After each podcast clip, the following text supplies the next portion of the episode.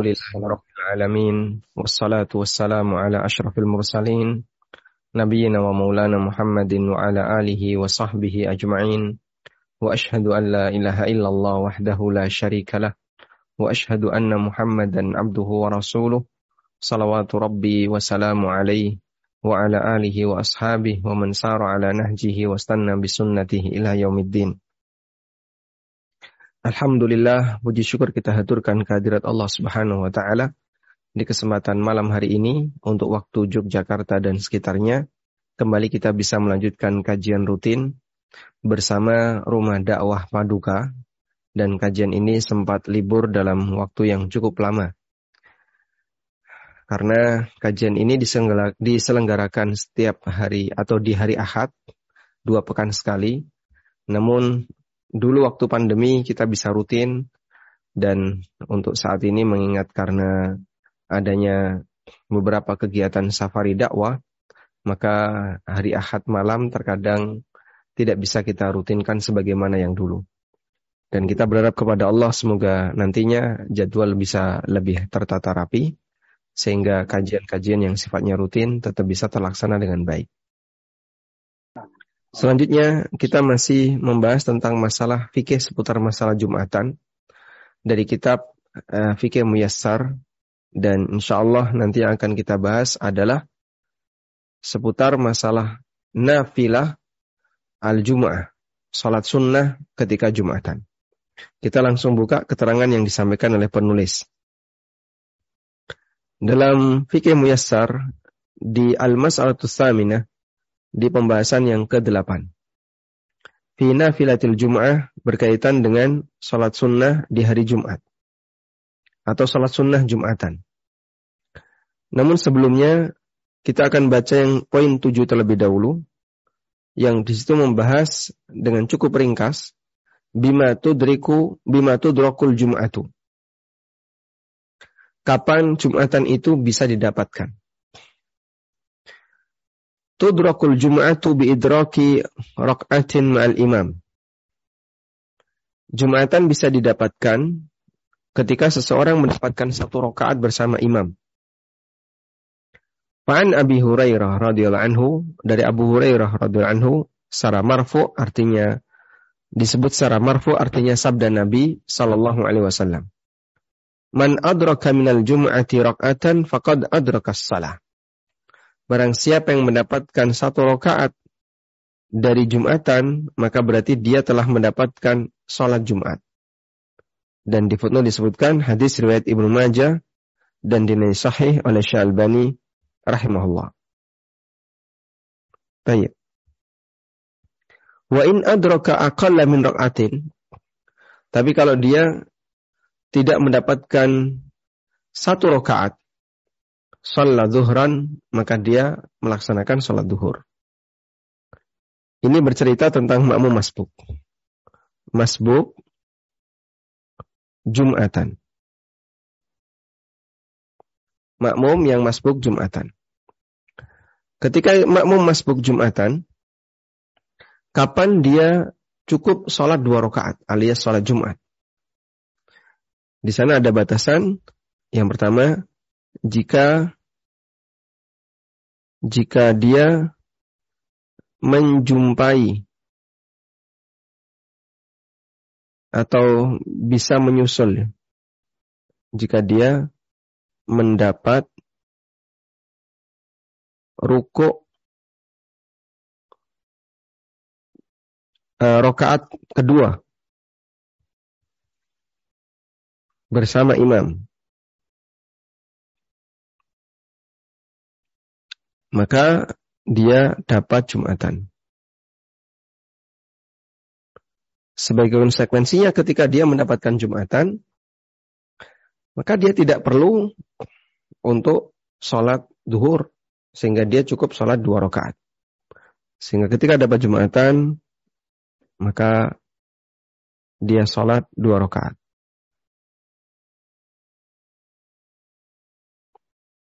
Tayyip. Kemudian sebaliknya, jika tidak mendapat atau ya jika dia tidak mendapat ruku rokaat kedua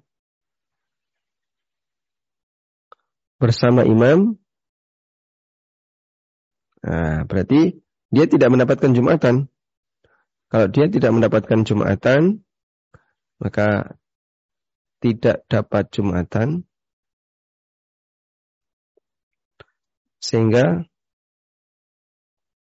salat zuhur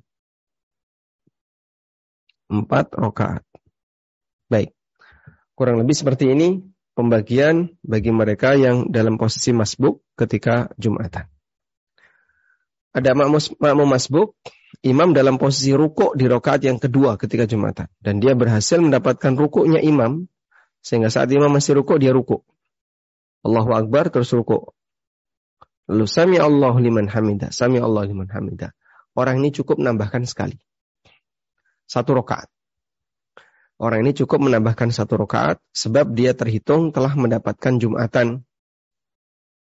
Dan dalam jumatan ada dua rakaat.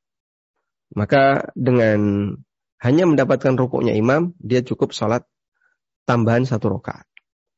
Tapi kalau kurang dari itu, kurang dari itu, dia bergabung saat imam sudah sujud atau imam i'tidal atau imam sudah tasyahud, maka dia nanti harus menambahkan empat rokaat sebab dia tidak menjumpai satu rokaat bersama imam.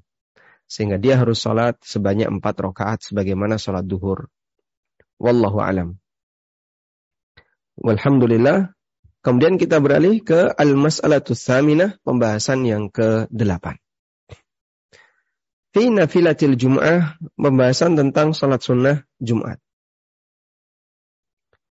Fi nafilatil jum'ah, yaitu sholat sunnah Jumatan. Laisa li salatil jum'ati sunnatun qablaha.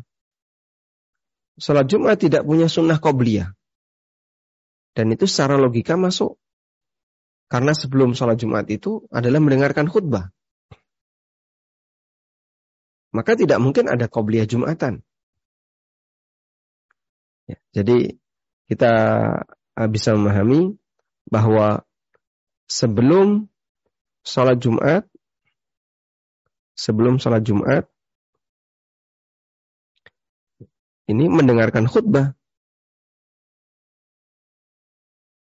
Karena mendengarkan khutbah, maka tidak mungkin, maka tidak mungkin ada qobliyah Jumatan. Ada qobliyah Jumatan. Bagaimana mungkin ada qobliyah? Sementara sebelum sholat Jumat, orang harus mendengarkan khutbah. Baik. Sehingga kalau ada orang yang bilang qobliyah Jumatan, itu aneh. Kok bisa Pak qobliyah Jumatan? Padahal sebelum Jumatan itu orang disyariatkan untuk banyak mendengarkan khutbah. Kalau tahiyatul masjid, betul. Karena tahiyatul masjid tidak ada hubungannya dengan, uh, dia adalah sholat tersendiri yang pada asalnya tidak ada hubungannya dengan Jumatan maupun salat wajib yang lain. Orang bisa tahiyatul masjid di sepanjang waktu. Tapi kalau qobliyah Jumatan, nah berarti kan dia dilakukan secara khusus sebelum salat Jumat. Dan itu tidak mungkin sebab sebelum Jumatan atau sebelum salat Jumat, kaum muslimin dia mendengarkan khutbah. Walakin man shalla qablaha nafilatan mutlaqatan akan tetapi siapa yang sholat sebelum khotib naik mimbar, sebelum Jumatan dimulai, nafilatan mutlaqah berupa sholat sunnah mutlak, qabla dukhuli waktiha, sebelum masuk waktu sholat atau sebelum masuk waktu Jumatan, fala ba'sa bihi, maka hukumnya tidak masalah. Dan itu yang dimaksud dengan sholatul intidhar. Sholat intidhar. Intidor artinya menunggu. Sehingga qobliyah Jumatan. Secara khusus sebelum sholat Jumat. Ini tidak ada. Yang kedua, sholat sunnah mutlak dalam rangka untuk menunggu imam. Ini yang sering disebut dengan salat intizor. Salat intizor. Intizor artinya menunggu, intazara yantaziru.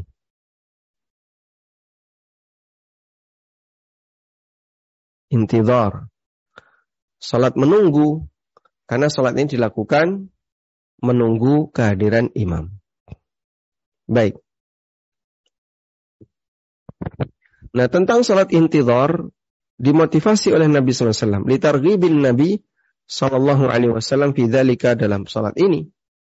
Sebagaimana disebutkan dalam hadis Salman Al-Madi qabla qalil yang telah lewat sebelumnya. Yaitu mengenai keutamaan melaksanakan Jumatan tepat waktu. Di mana Nabi SAW menyebutkan dalam hadis Salman, nah, di sini ada potongan-potongan hadis yang cukup banyak. Kita baca langsung di sini. Nabi SAW bersabda, "Man yaghtasala yaumal jum'ah?" Siapa yang mandi di hari Jumat? Tsumma falam yufarriq baina Kemudian dia berangkat Jumatan dan dia tidak memisahkan dua orang yang sedang duduk. Ada dua orang duduk, kemudian tidak dilangkai pundaknya, tidak dipisahkan. Dia tidak duduk di antaranya atau dilangkai pundaknya. Kadang ketika Jumatan orang duduk berdekatan begini. Maka yang lebih tepat ini jangan disuruh minggir untuk kita duduki. Sebab nanti jadinya yufarrik bainasnain. Memisahkan dua orang yang duduk berdekatan. Thumma raha, kemudian dia berangkat menuju masjid. Falam yufarrik bainasnain. Nah, kemudian dia tidak membelah pundak dua orang yang sedang duduk uh, berdampingan karena ingin mendapatkan soft yang depan. Sehingga dia ngelangkah-ngelangkai pundak. Fasallama katma kutibalah. Kemudian dia salat sesuai dengan kemampuan yang Allah berikan kepadanya. Dia salat sesuai dengan kemampuannya maka dia akan mendapatkan ampunan dari Allah Subhanahu wa taala. Mendapatkan cahaya dari Allah Subhanahu wa taala. Wali fi'li sahabat dan ini juga berdasarkan perbuatan sahabat radhiyallahu anhum wali afdaliyati salatin nafilah dan menunjukkan keutamaan salat sunnah. Wala yunkaru ala alaihi idza taraka. Dan tidak diingkari jika dia tidak melakukannya. Karena sifatnya salat sunnah. Lianna sunnah radibah takunu ba'dal jum'ah bi raka'ataini au arba raka'atin au sitta raka'atin. Karena sunnah ratibah setelah Jumatan bisa dua rakaat atau empat rakaat atau enam rakaat setelah Jumatan. Berdasarkan perbuatan Nabi SAW dan perintah beliau Sallallahu Alaihi Wasallam. Sehingga bedakan dua hal dalam hal ini adalah yang pertama, qobliyah Jumatan, tidak mungkin ada sholat sunnah. Dan yang kedua, ba'diyah Jumatan, ini dimotivasi oleh Nabi Sallallahu Alaihi Wasallam. Faqad kana yusalli ba'dal Jum'ati rak'atain. Nabi SAW terkadang sholat ba'da Jum'at dua rakaat. Muttafaqun alaih. Hadis riwayat Bukhari Muslim. Waqala dan beliau juga bersabda, Idza shalla ahadukum al-jum'ah falyusalli ba'daha arba'a raka'atin. Kalau kamu salat Jumat, maka kerjakan salat setelah Jumatan sebanyak empat rakaat. Hadis riwayat Muslim. Empat rakaat itu bagaimana teknisnya? Dua salam, dua salam. Wa fi riwayatin dalam riwayat yang lain, "Man kana minkum musalliya ba'dal jum'ati falyusalli falyusalli arba'an." siapa yang ingin sholat setelah Jumatan, maka kerjakanlah sholat empat rakaat. Wa amma sittu adapun enam rakaat fali annahu warada an ibni Umar radhiyallahu anhu terdapat riwayat yang berasal dari Ibnu Umar radhiyallahu anhu anna Nabi sallallahu alaihi wasallam kana yusalli ba'dal jum'ati sittan. Nabi sallallahu alaihi wasallam salat setelah Jumatan enam rakaat. Wakana Ibnu Umar yaf'aluhu dan Ibnu Umar melakukan praktek ini. Coba kita lihat di footnote nomor 5. Di nomor lima disebutkan itu adalah Syarhul Mumti dan nomor enam nomor enam diriwayatkan oleh Abu Dawud dan yang lainnya.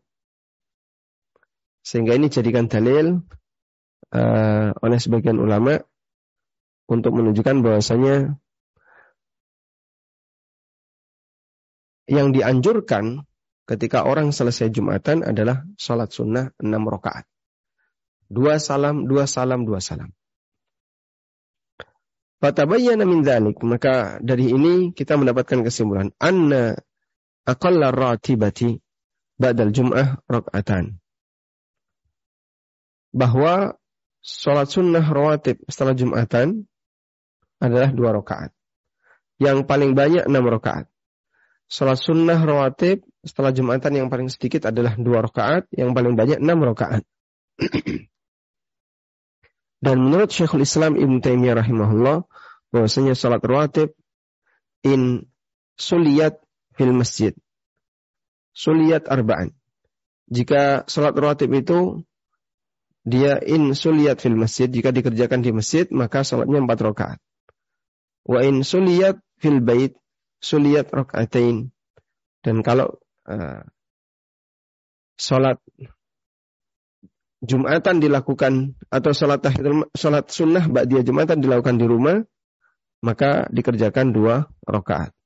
Fatakunu salatuha ala ahwalin mutanawwi'ah sehingga salatnya bisa berbeda-beda tergantung posisi. Kita ulang di sini. Tadi qobliyah Jumatan, berikutnya adalah ba'diyah Jumatan.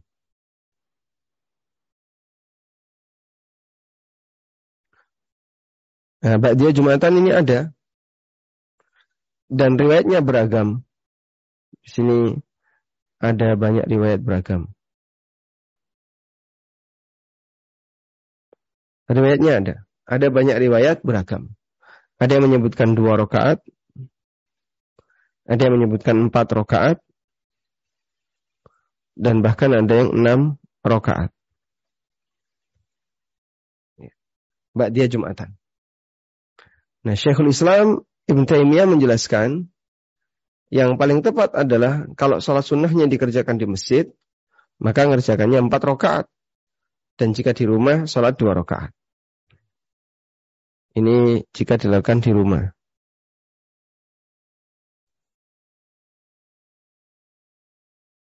Baik, kemudian ini dilakukan di masjid. Kalau sholat sunnahnya Jumatan mau dilaksanakan di masjid, maka dia Jumatan di masjid nanti di situ dia harus atau dia dianjurkan untuk sholat sebanyak empat rakaat, dua rakaat salam, dua rakaat salam dan bisa kadang-kadang kita praktekkan enam rakaat.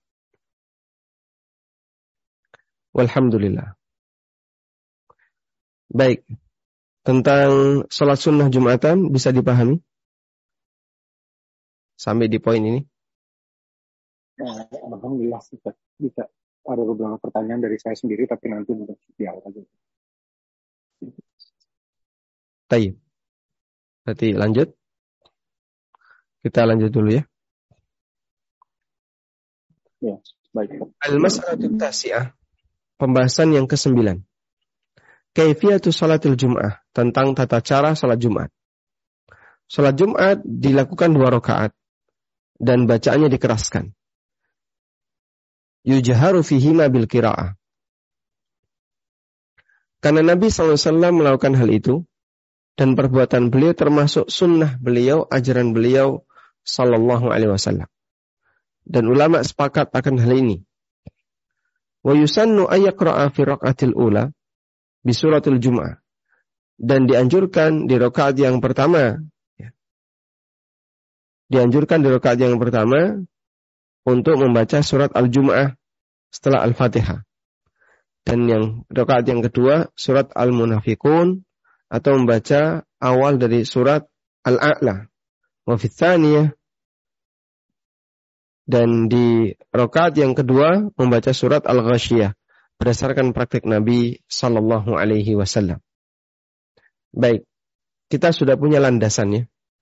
Jadi kenapa para imam ketika ngimami Jumatan rokaat yang pertama sabbihis, Rakaat yang kedua tetangganya itu hal ataka haditsul ghasyiyah.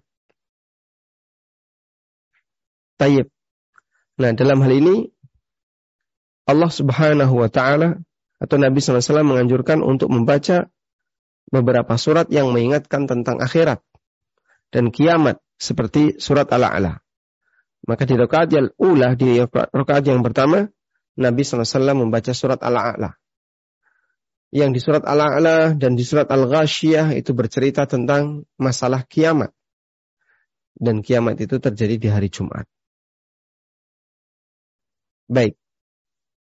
Sehingga mengingatkan kaum muslimin akan sadar dengan keberadaan kiamat yang akan pasti didatangkan oleh Allah Ta'ala, yang pasti didatangkan oleh Allah uh, pada waktunya. Walhamdulillahirobbilalamin. Semoga bisa dipahami ya. Uh, meskipun seperti ini sifatnya anjuran karena melihat dalamnya adalah perbuatan Nabi Sallallahu Alaihi Wasallam dan perbuatan Nabi SAW sebatas perbuatan yang tidak sampai diiringi dengan perintah maka statusnya adalah sunnah. Selanjutnya al-mas'alatul ashirah pembahasan yang ke-10 tentang sunnah-sunnah ketika Jumatan. Kalau tadi nafilah artinya sholat sunnah. Kalau ini maksudnya adalah sunnah-sunnah ketika Jumatan. Sunnahul Jum'ah, sunnah-sunnah ketika Jumatan. Yang pertama adalah yusan tabkir, dianjurkan untuk datang di awal melaksanakan sholat untuk mendapatkan pahala al-kabir yang besar. Sebagaimana disebutkan dalam hadis dari Abu Hurairah radhiallahu anhu bahwasanya Rasulullah sallallahu alaihi wasallam bersabda, "Man ightasala yaumal jum'ah, siapa yang mandi di hari Jumat." Ghasral janabah sebagaimana cara dia mandi junub. Siapa yang mandi di hari Jumat sebagaimana cara dia mandi junub. Thumma raha fis sa'atil ula. Kemudian dia berangkat ya, fis sa'atil ula di rentang waktu yang pertama di hari Jumat. Maka annama qarraba badanatan, maka dia seperti berkurban seekor onta, badana. Wa man raha fis dan siapa yang raha fis sa'ati berangkat di jam kedua maka annama qarraba baqaratan. Maka dia seperti menyembelih sapi. Dan siapa yang datang di as-sa'ah as-salisah, maka annama qarraba kabshan akran. Wa man raha fi sa'ati rabi'ah, maka annama qarraba dadajatan. Siapa yang datang di waktu yang ketiga, maka dia seperti berkorban kabshan akran, hewan yang bertanduk. Dan siapa yang raha fisa'atul rabi'ah? Siapa yang berangkat di waktu yang keempat? Maka seperti dia berkorban terjajah, berkorban ayam. Dan siapa yang datang di di sesi yang kelima, fakaan nama qarraba bildotan. Maka dia seperti berkorban dengan telur. Fa'idha kharajal imamu hadratil malaikatu yastami'una dzikr. Begitu imam datang naik mimbar, maka malaikat turut mendengarkannya. Yastami'una dzikr dalam rangka untuk memperhatikan zikir. Maksudnya adalah memperhatikan khutbah Jumat. Karena zikir di sini maknanya adalah khutbah Jumat. Masya Allah. Baik. Coba kita lihat di sini Allah Subhanahu wa taala memberikan beberapa motivasi kepada hambanya untuk melakukan at-tabkir datang di awal waktu ketika Jumatan. Semakin awal pahalanya semakin besar. Maka tidak ada istilah datang terlalu awal, ganggu apa misalnya aktivitas kerja dan seterusnya.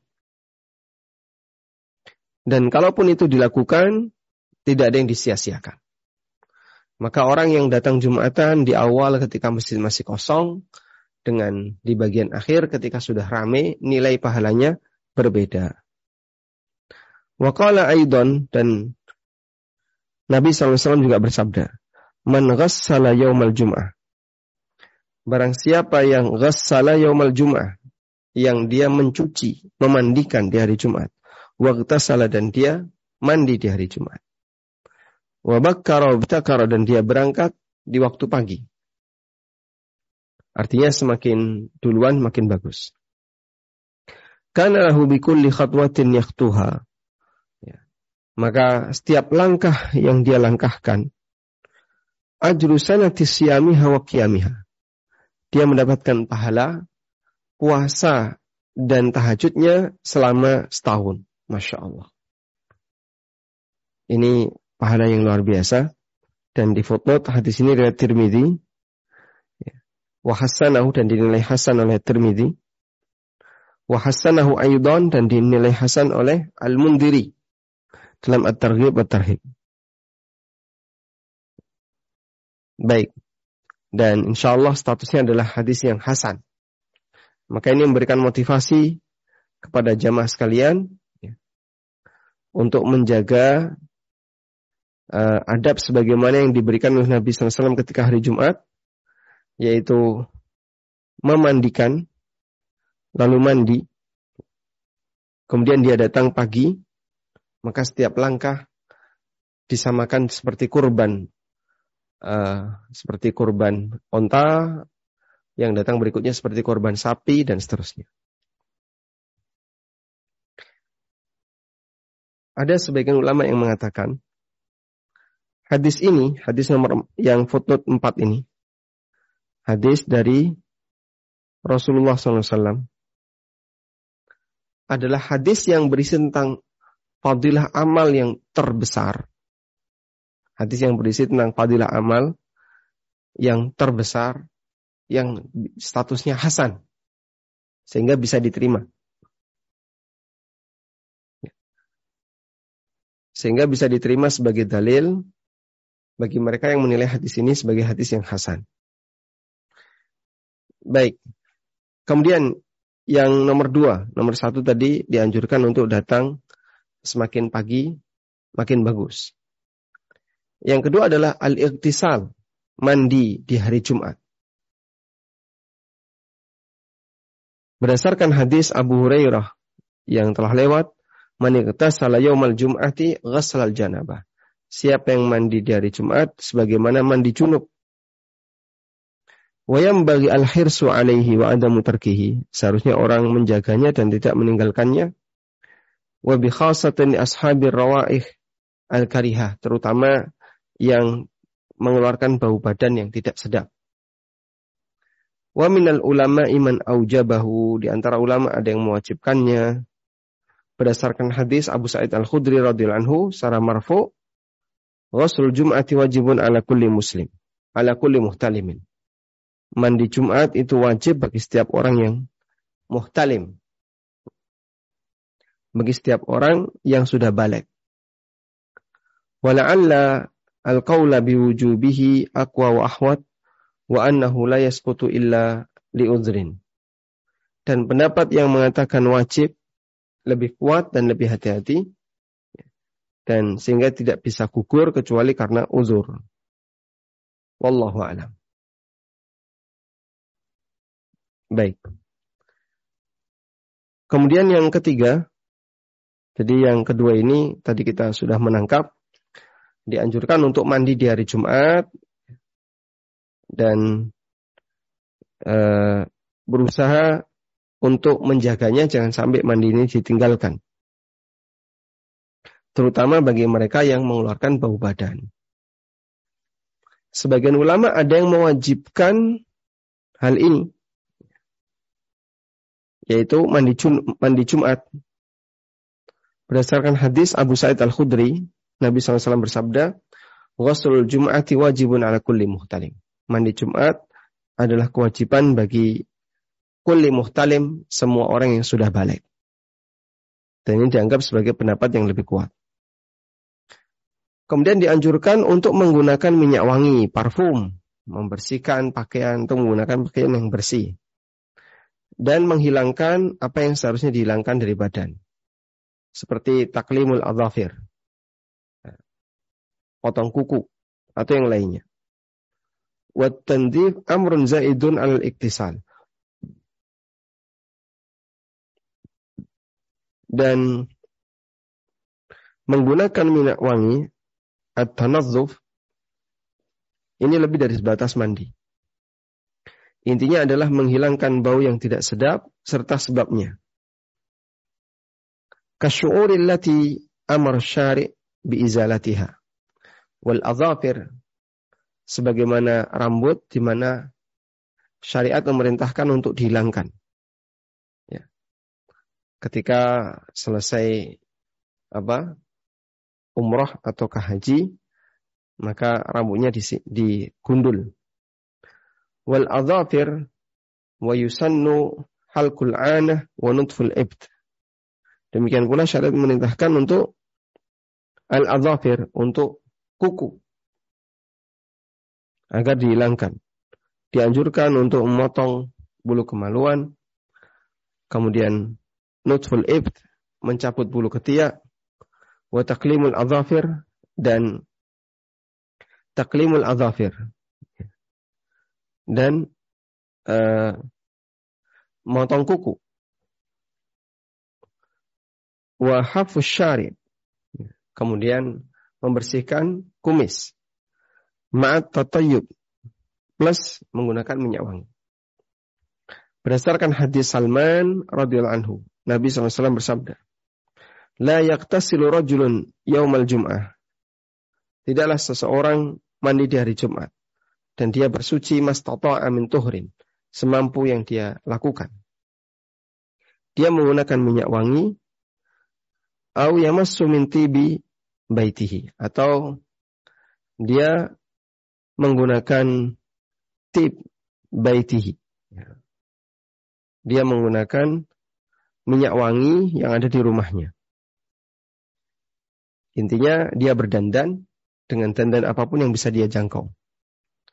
Kalau Al-Hafidh Ibn Hajar, kata Ibn Hajar, min tuhrin dalam kondisi suci, maksudnya adalah al-mubalagha fit tandif. Bersungguh-sungguh ketika membersihkan kotoran tadi. Wa yu'khadhu an atfihi al-ghusli. Bihi at-tandif bi akhdhi syarib wadzufur wal ana. Bahwa yang dimaksud di sini kenapa ada syariat untuk uh, menghilangkan beberapa yang nempel di badan seperti kuku, rambut, bulu ketiak dan seterusnya. At-tandif wal wa annal murada bihi at-tandifu bi akhdhi syarib. Membersihkan dengan cara motong kumis atau zufur atau atau jari atau motong kuku, wal anah dan memotong dan uh, membersihkan bulu kemaluan. Jadi Al-Hafidh Ibn Hajar menjelaskan tentang hadis Salman yang dimaksud dengan membersihkan di sini adalah membersihkan motong kuku, kemudian uh, motong kumis dan seterusnya.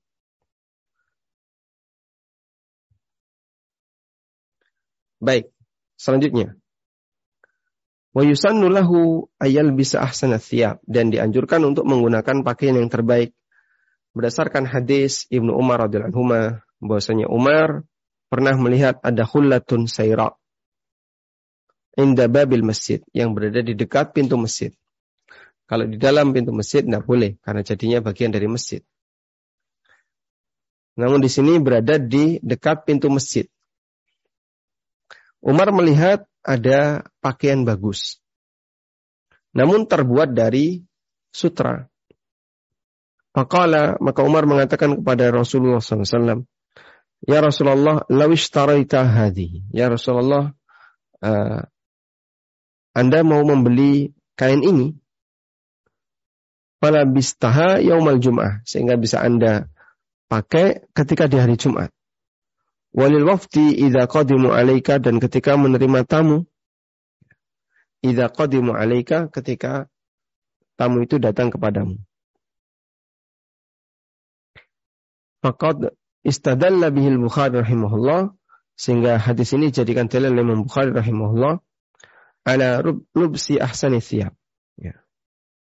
Untuk menggunakan pakaian yang terbaik lil Jum'ah untuk Jumatan. Faqala babun yalbasu ahsana mayajid. Bab ya, dia memakai pakaian yang paling bagus. Kalau Al-Hafidh Ibn Hajar, Al-Hafidh Ibn Hajar mengatakan, Wajul istidlali bihi, sisi pendalilannya adalah menjihati takririhi sallallahu alaihi wasallam li Umar ala asli tajammul lil Jum'ah. Sisi pendalilan dari hadis ini adalah adanya persetujuan yang diberikan oleh Nabi SAW untuk Umar ala asli tajammul untuk melakukan at-tajammul berdandan dengan cara yang sewajarnya. Lil Jum'ah dalam rangka menghadiri Jumatan. Dan berdasarkan sabda Nabi SAW, siapa di antara kalian yang membeli saubaini liyaumil Jum'ah, membeli dua pakaian di hari Jumat untuk bisa bisa jumatan. Dia dia, dia mungkin beli sarung ya, atau kemudian beli baju sehingga membeli dua pakaian. Liyaumil jum'ah ketika jumatan. Siwa thawbai mihnatihi selain dari uh, pakaian yang dia gunakan untuk dinas. Untuk kerja. Misalnya dia kerja di tempat kotor ya maka tidak mungkin dia gunakan pakaian itu untuk Jumatan. Artinya adalah pahala khidmatihi wa syughlihi. Kemudian pahala atas layanan dan kesibukan yang dilakukan.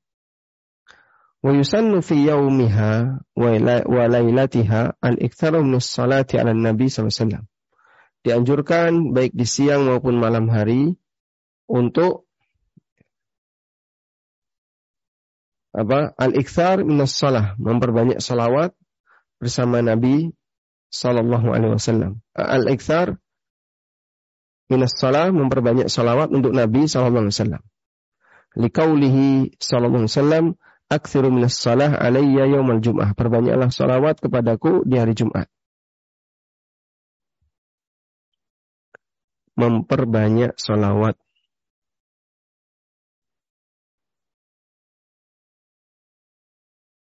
di hari Jumat.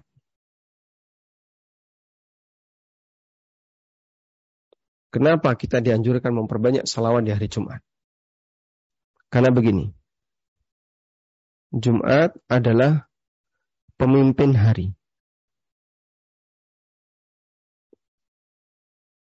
Atau yang diistilahkan dengan Sayyidul Ayyam. Dan Nabi Sallallahu Alaihi Wasallam adalah pemimpin umat.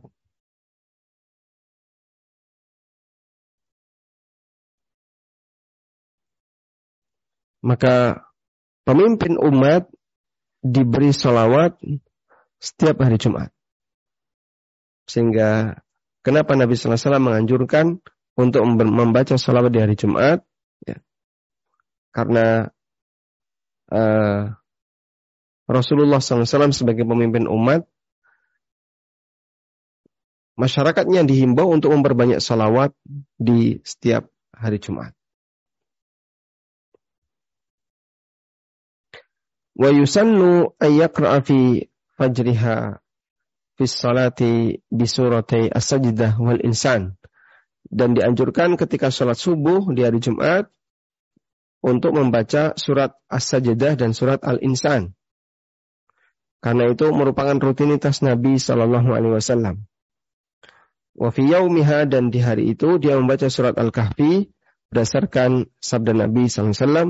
Mangkara surat Al-Kahfi, siapa yang membaca surat Al-Kahfi di hari Jumat, sata'alahu suti'alahu nurun maka dia akan diberi cahaya min tahti qadamihi dari bawah kakinya ila ananis sama yudhi'u bihi yaumal qiyamah sampai ke langit sehingga dia bisa gunakan untuk uh, penerangan di hari kiamat dan diampuni dosa-dosanya ma bainal jum'ata ini sampai Jumat berikutnya.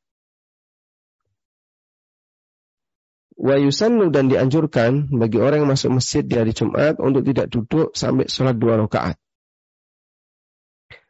Karena ini berdasarkan perintah Nabi SAW. Wa yu'jaru wa yujizu fihi ma idza kana al-imam yakhtub. Dan dia peringkas khutbah itu jika imam sedang berkhutbah. Dia peringkas sholat sunnah itu jika imam sedang berkhutbah. Jadi masuk masjid langsung sholat sunnah tahiyatul masjid. Nah, bagaimana kalau imamnya uh, sedang berkhutbah? Maka sholatnya dipercepat. Wa yujizu fihima. Baik, agar nanti tidak terlalu lama dalam meninggalkan kesempatan untuk mendengarkan khatib. Dan dianjurkan untuk memperbanyak doa. Ijabah. Dan boleh untuk memilih waktu-waktu yang mustajab. Berdasarkan sabda Nabi SAW, sesungguhnya dalam hari Jumat, ada satu waktu la yu'afikuha abdul muslim apabila ada seorang hamba yang muslim yang berdoa bertepatan dengan waktu itu wa huwa qa'imun dalam posisi dia salat yas'alullah syai'an maka Allah akan bertanya yas'alullah syai'an kemudian dia meminta kepada Allah apa pun illa tahu iya kecuali Allah akan berikan kepadanya yang ini menunjukkan keutamaan banyak berdoa di hari Jumat kita lihat foto tiga hadis riwayat Bukhari Muslim Sehingga dianjurkan untuk memperbanyak doa di hari Jumat. Wallahu alam. Taib. Mungkin itu yang bisa kita sampaikan sebagai pengantar. Dan penulis sudah selesai untuk membahas masalah Jumatan. Berikutnya penulis akan menyebutkan bab yang ke-11 berkaitan tentang sholat khauf.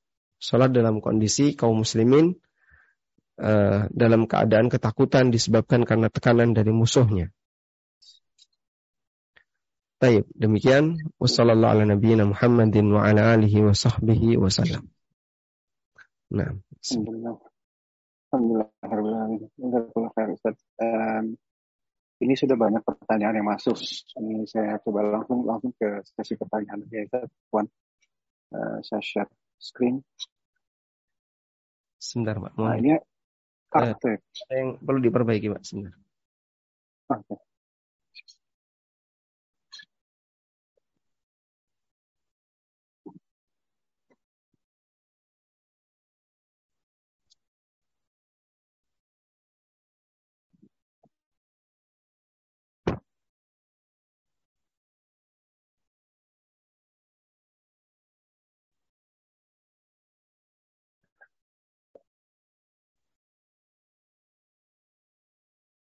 Uh, untuk yang ingin bertanya langsung silahkan raise hand. Nanti kita akan coba beri kesempatan.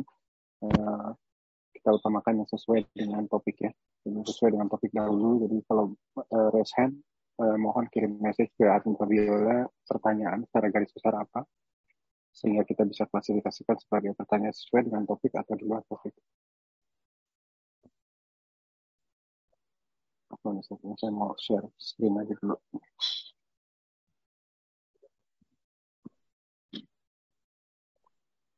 Baik, silahkan share screen, Pak. Udah? Ah, baik. Bismillahirrahmanirrahim. Nah, ini ada dua pertanyaan, Ustaz. Yang di atas ini uh, di Indonesia, posisinya. Hmm? Assalamualaikum warahmatullahi wabarakatuh. Ustaz, izin bertanya. Assalamualaikum warahmatullahi wabarakatuh. Di masjid dekat rumah saya, setiap setelah, setelah azan pertama di sholat Jumat, hampir seluruh jemaah berdiri menunaikan sholat dua rakaat jadi datang ke masjid, sholat tahiyatul masjid, kemudian duduk sampai azan pertama dikumandangkan, baru kemudian sholat dua rakaat. Yang terkesan itu sholat qobliyah Jumat. Apa hukumnya? Uh, yang kedua ini pertanyaan saya saat ini di UK dekat di masjid dekat rumah. Jadi di sini posisinya uh, ketika kita datang ke masjid, jam 13.30 dimulai seperti ada dakwah atau bayan dalam bahasa dalam menurut mereka bayan. Terus setengah jam setelah itu azan pertama. Nah, azan pertama ini dianjurkan sholat, sholat sunnah, di mana eh, kebanyakan jamaah itu sholatnya empat rakaat dan kebanyakan mirip dengan sholat zuhur. Uh, terus setelah itu azan kedua, azan kedua setelah azan kedua, uh, khatib berdiri untuk memberikan khutbah di tempat masjid saya kebanyakan dalam bahasa Arab singkat, lalu khutbah kedua, setelah itu ikomah, lalu uh. Ini bagaimana nih hukumnya Ustaz? Masya Allah. Nah, Nah.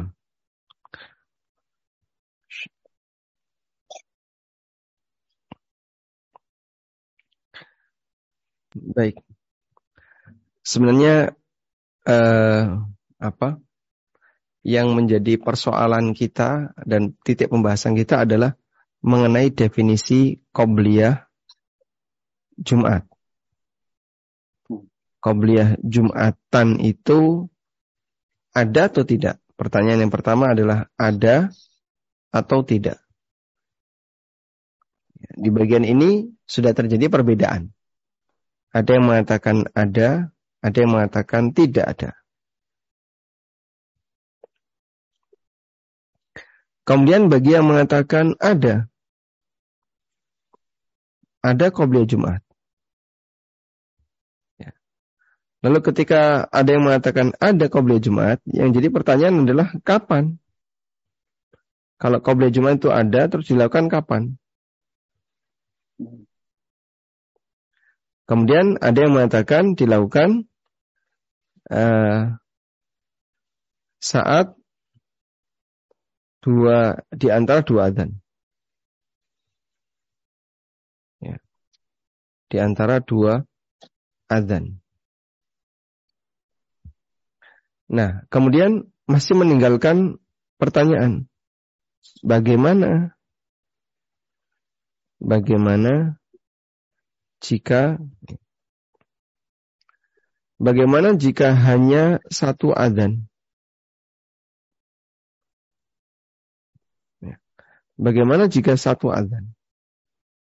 Nah, di sini bingung jadi jawabnya. Dan saya menjumpai tetangga ya, saya jumpai tetangga, beliau itu ketika Jumatan selalu datang telat. Padahal rumahnya dekat banget dengan masjid. Saya pernah jadi khotib karena beliau tetangga, jadi saya jalan kaki ke masjid. Itu beliau sudah siaga, tapi di depan rumah, nggak segera berangkat. Begitu saya naik mimbar, menyampaikan salam, duduk, adzan, dia datang langsung sholat. Dan maksud dia inilah yang disebut dengan qobliyah Jumatan. Namun kita merasa uh, Jumatan di sini ada yang ganjil. Sehingga pertanyaannya adalah qobliyah Jumatan itu ada atau tidak sih? Jawabannya tidak ada. Atau misalnya dia milih jawab ada, qobliyah Jumatan ada. Nah, sekarang kalau ada kapan qobliyah Jumatan itu dilakukan? Karena kan ada khutbah. Maka di antara dua saat di antara dua adzan. Nah, kalau saat di antara dua adzan itu insya Allah lebih ringan. Adzan pertama, adzan kedua, antara dua adzan ini sholat. Bagaimana jika satu adzan? Nah ini kemudian jadi uh, kesulitan. Kalau satu adzan gimana? Maka jika satu adzan di situ tidak ada qobliyah jadinya karena tidak ada dua adzan. Nah, oleh karena itu dalam kondisi ini ketika satu adzan maka berarti orang datang tahiyatul masjid dan tidak boleh melakukan sholat sunnah yang lain. Wallahu alam. Uh, intinya begini, qobliyah Jumatan ada yang mengatakan di antara dua adzan. Cuman begini. Yang namanya qobliyah itu dilakukan ketika kapan? Sudah masuk waktu.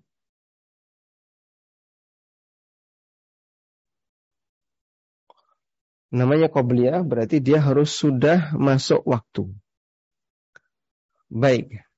Berarti kalau di sini ada adzan satu, adzan awal, lalu ada adzan dua, baru kemudian amal. Ya. Baru kemudian amal atau sholat. Maka yang dimaksud dengan atau di sini mungkin lebih cepatnya Jumatan. Yang dimaksud dengan dia masih sebagai qobliyah Jumat itu dimulai dari adzan pertama atau adzan kedua seharusnya adzan kedua ya. karena adzan pertama itu tujuannya bukan untuk menandakan masuk Jumatan tapi tujuannya untuk mengingatkan bahwa waktu Jumatan sudah dekat Wallahu alam. Nah, kalau seperti ini jadinya seperti yang disebutkan dalam pertanyaan bahwa qobliyah itu antara dua adzan ini aneh. Karena baru selesai adzan pertama itu belum qobliyah. Sebab yang namanya Jumatan adalah ketika khotib sudah naik mimbar, ada adzan, lalu kemudian khotib lanjutkan khutbahnya. Kalau baru adzan satu, maka itu belum bisa disebut sebagai masuk waktu Jumatan. Wallahu alam. Insya Allah dipahami, Pak. Pahami, Alhamdulillah. Baik. Terima kasih. Selanjutnya, pertanyaan kedua. Singkat pertanyaannya. Assalamualaikum, Pak. Uh, ingin bertanya terkait syarat beberapa orang minimum yang melakukan sholat Jumat itu. Apakah ada minimumnya?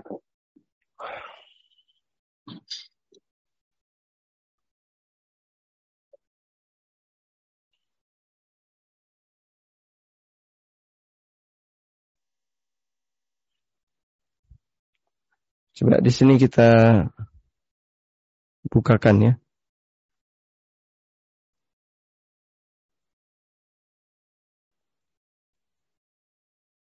Ada keterangan yang disampaikan oleh para ulama ini. Mungkin penting untuk kita bacakan.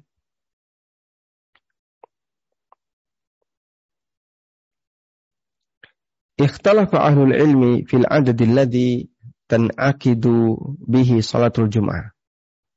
Para ulama berbeda pendapat mengenai jumlah minimal untuk pelaksanakan sholat Jumat. Wala tasihu bidunihi ala akwal.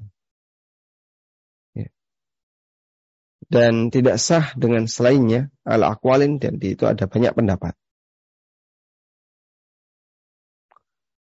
Akwaha kaulan yang paling kuat dari sekian banyak pendapat itu adalah dua pendapat berikut.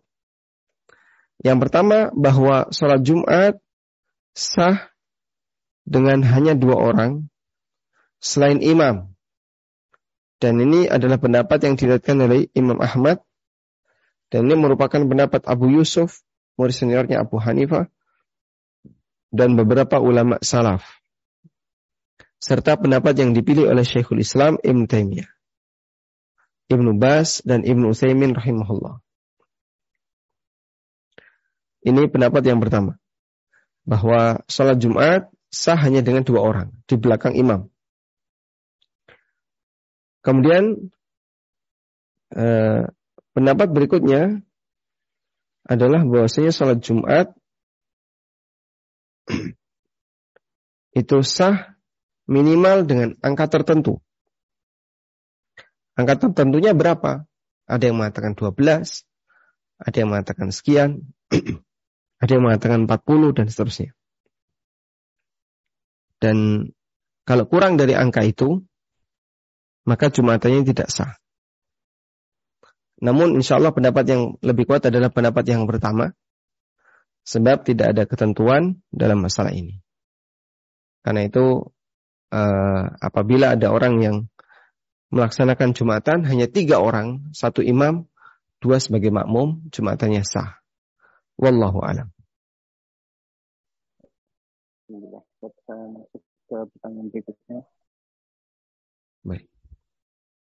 Uh, izin bertanya Ustaz, uh, mana yang lebih afdol atau sesuai dengan syariat tuntunan Nabi Shallallahu Alaihi Wasallam bagi perempuan yang mau melaksanakan sholat zuhur di rumah? Apakah sebaiknya menunggu sholat Jumat selesai atau ketika selesai azan itu kita sudah bisa sholat zuhur? Mohon penjelasannya.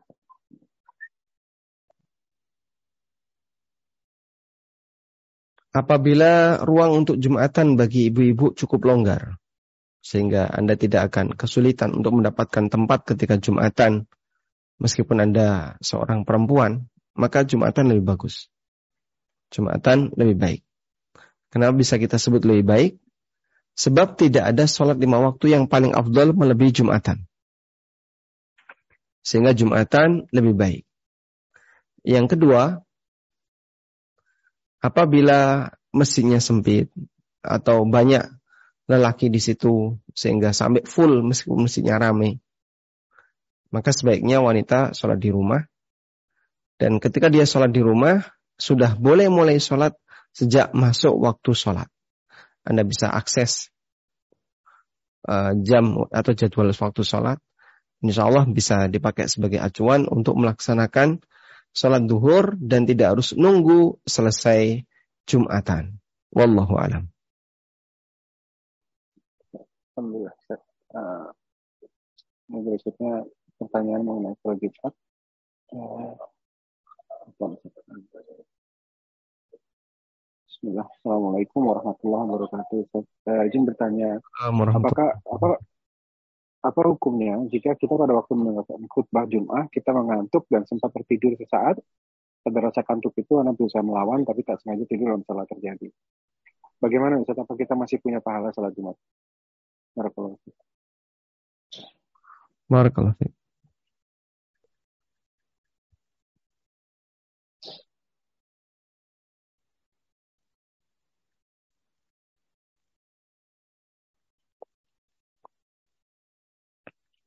Ada keterangan yang disampaikan dalam Islam Islam web ya.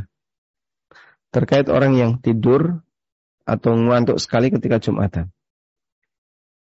Dinyatakan di sini la yajuzu ta'ammudun naum asna al-jum'ah. Tidak boleh secara sengaja orang itu tidur ketika Jumatan. Li'annal insat laha wajib. Karena diam itu wajib ketika khatib sedang berkhutbah. Karena itu sebagian ulama mengatakan inna illatan nahyi anil ihtiba yaumal jum'ah hiya khasyatun khasyatu ayyanama asyakhsu bahwa ilah larangan duduk ihtiba, duduk ihtiba itu duduk memeluk lutut. Lututnya ditekuk lalu duduk.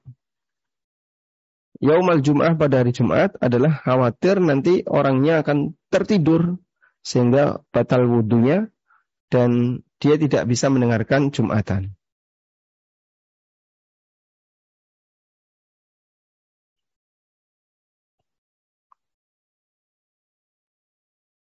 Qala nawawi dalam Al-Majmu' An-Nawawi mengatakan setelah beliau membawakan hadis yang diriwayatkan Abu Dawud Tirmidzi dari Sahal bin Mu'ad dari ayahnya bahwa Nabi Shallallahu Alaihi Wasallam bersabda, "Annahu naha anil habwati yaumal jum'ah wal imamu yakhtub." Nabi SAW melarang duduk memeluk lutut.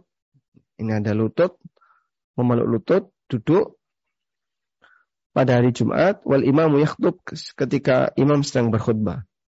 Dan ini merupakan hadis hasan sebagaimana disebutkan oleh Syalbani dalam Tuhfatul Ahwadhi inda syarhi hadal hadis ketika menjelaskan hadis ini. Qala Al-Khattabi, Al-Khattabi mengatakan, Na'an hali anha tajlibun nauma fata'ridu taharatuhu lin naqdi. Fatu'radu taharatuhu naqdi. Larangan ini terjadi, kenapa tidak boleh duduk memeluk lutut? Karena itu bisa menyebabkan ketiduran. Sehingga status toharohnya bisa berbahaya. Karena bisa batal. Wa yumna'u min istima'il khutbah dan dia dihalangi untuk mendengarkan khutbah. Wallahu alam sehingga kalau bisa jangan tidur ya para sahabat menyebut orang yang tidur ketika Jumatan itu mathaluhum kamathalis sariyatin akhfaku Perumpamaan mereka itu seperti Sariyah, pasukan perang yang gagal. Kenapa disebut pasukan perang yang gagal? Karena dia berangkat dengan membawa semua perlengkapan, namun dia balik tidak mendapatkan apa pun. Gonima nggak dapat, syahid juga nggak dapat. Bahkan tidak ketemu musuh. Maka ini termasuk di antara uh, momen yang dianggap sebagai bentuk kegagalan. Dan orang yang Jumatan seperti itu, dia sudah keluar modal banyak, ternyata nggak dapat apa-apa. Wallahu alam. Uh, satu pertanyaan uh, yang sesuai topik. Bismillah. Assalamualaikum warahmatullahi wabarakatuh. Waalaikumsalam warahmatullahi wabarakatuh. Ini bagaimana hukumnya pedagang pria maupun wanita yang masih membuka warungnya, yang masih melayani pembeli ketika Jumatan dimulai. Dan pembeli ini biasanya karyawan yang sengaja mampir ke warung dulu, tidak langsung ke masjid ketika ikomah, mereka bergegas ke masjid. Ketika ikomah baru bergegas ke masjid. Karena sebagian orang punya pikiran, punya pandangan bahwa yang penting dalam Jumatan adalah sholatnya. Ini pandangan yang keliru. Kita sampaikan yang penting dalam dalam Jumatan adalah semuanya. Karena semuanya punya uh, kiprah di dalam masalah ini. Tayyib. Oleh karena itu uh, berkaitan dengan apa yang tadi disampaikan, Uh, coba di share screen-nya diulang, Pak. Oh, Uh, namanya? Ini. Nah, ini tadi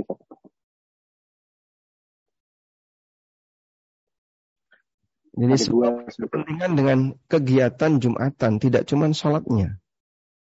Hmm. Makanya kita motivasi jangan sampai Jumatan hanya nunggu ikomah ya. Hmm. Baru datang. Taib. Kesulitan Pak? Oh. Sudah terlihat tadi ya. Nah, ada sebenarnya ada dua fokus yang ingin kita sampaikan di situ ya. ya. Jadi pertama berkaitan dengan jual beli saat Jumatan. Ini berlaku bagi yang wajib Jumatan. Dilarang untuk transaksi. Wanita tidak wajib Jumatan.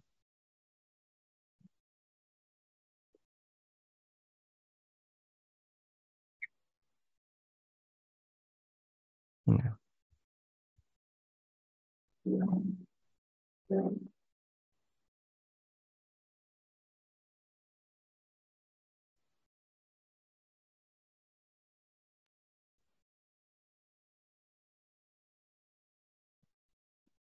beli saat Jumatan. Ini berlaku bagi yang wajib Jumatan, hukumnya haram. Yang kedua, yang kedua adalah datang saat iqamah. Ketika dia datang saat iqamah, dia punya anggapan yang penting dari Jumatan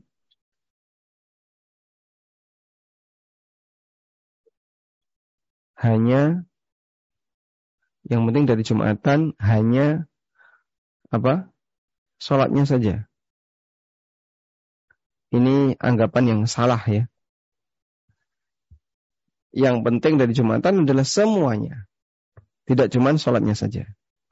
Maka tidak boleh orang ketika Jumatan hanya datang ketika sholatnya saja. Padahal dia longgar.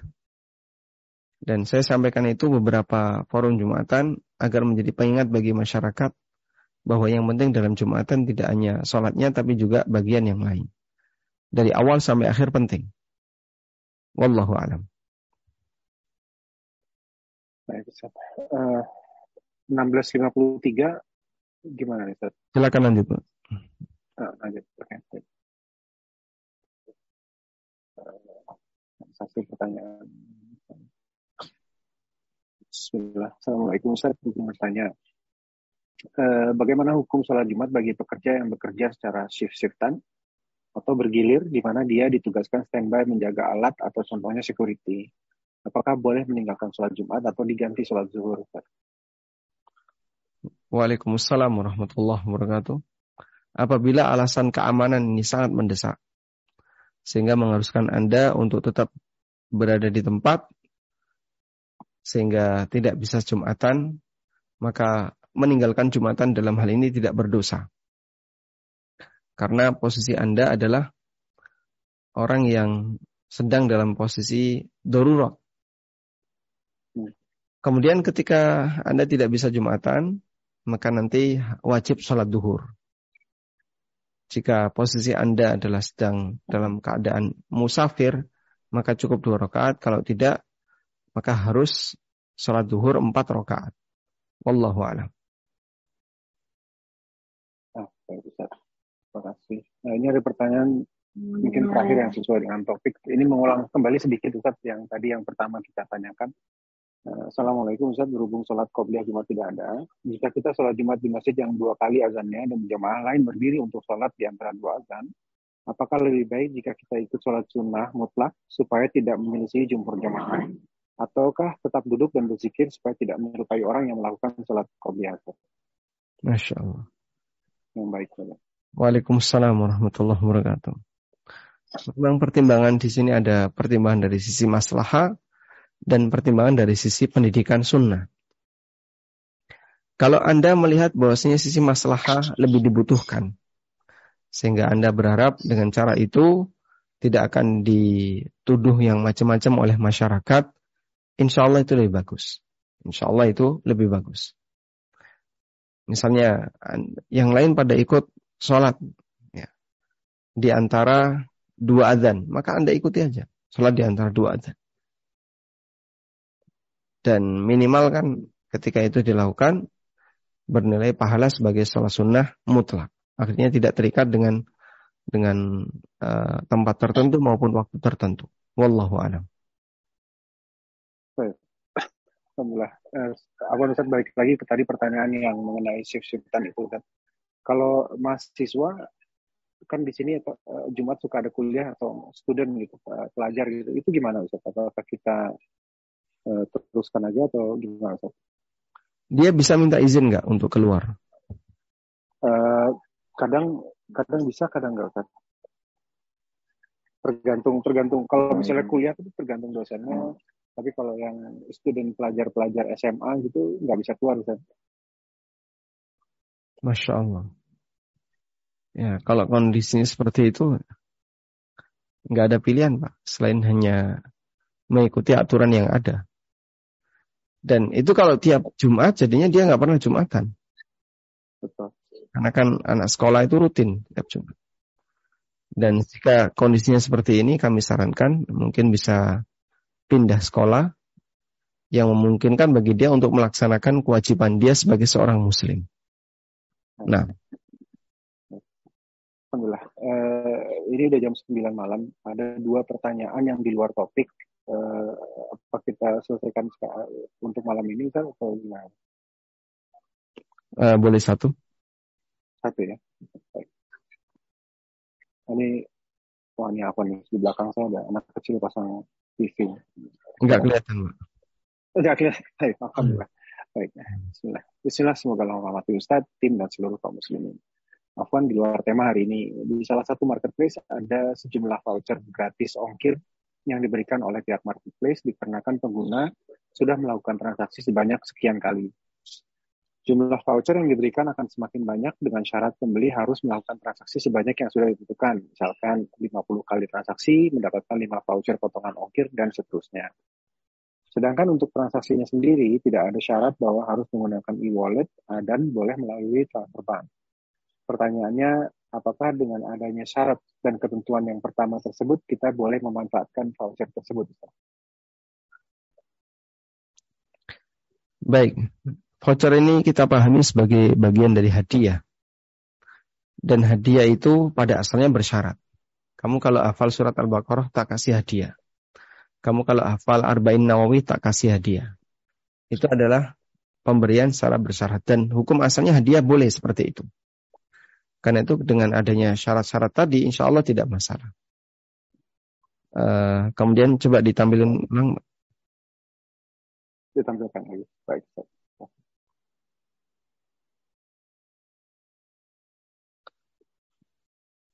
Nah di voucher ini sifatnya gratis ya, uh, gratis ongkir dan diberikan oleh marketplace dikarenakan pengguna sudah melakukan transaksi sekian banyak kali. Hmm. Jadi intinya begini, voucher itu bukan utang kecuali jika kecuali jika uh, bukan manfaat dari utang ya, kecuali jika penggunanya adalah pakai e-wallet, top up dulu, dia punya saldo, lalu ketika dipakai belanja, dia menggunakan saldo e-walletnya. Nah ini utang, kemudian dia dikasih voucher, ini tidak boleh. Sebab ini adalah manfaat disebabkan karena utang. Tapi kalau tidak ada hubungannya dengan e-wallet, Anda bisa bayar pakai tunai, pakai transfer bank, dan seterusnya. Insya Allah tidak masalah untuk menerima voucher itu. Sebab ini adalah hadiah, bukan karena transaksi utang. Anda tidak pernah ngutangi pihak Shopee, atau ngutangi pihak marketplace yang lain, lalu Anda dikasih voucher, insya Allah tidak masalah. Wallahu a'lam. Alhamdulillah. Ustaz, uh, pertanyaan-pertanyaan sudah habis untuk malam ini. Waktu juga. Nah, baik demikian yang bisa kita sampaikan. Semoga menjadi ilmu yang bermanfaat. Allahumma anfa'na bima 'allamtana wa 'allimna ma yanfa'una warzuqna ilma. Wa sallallahu ala nabiyyina Muhammadin wa ala alihi wa sahbihi wa sallam wa akhiru da'wana anil hamdulillahi rabbil alamin. Wassalamualaikum warahmatullahi wabarakatuh. Waalaikumsalam warahmatullahi wabarakatuh. Jazakallah khair Ustaz. Uh, semoga kita bisa menjadwalkan kembali kajian-kajian bersama Ustaz kami di masa depan ya. Jadi kita bisa melakukan kajian-kajian.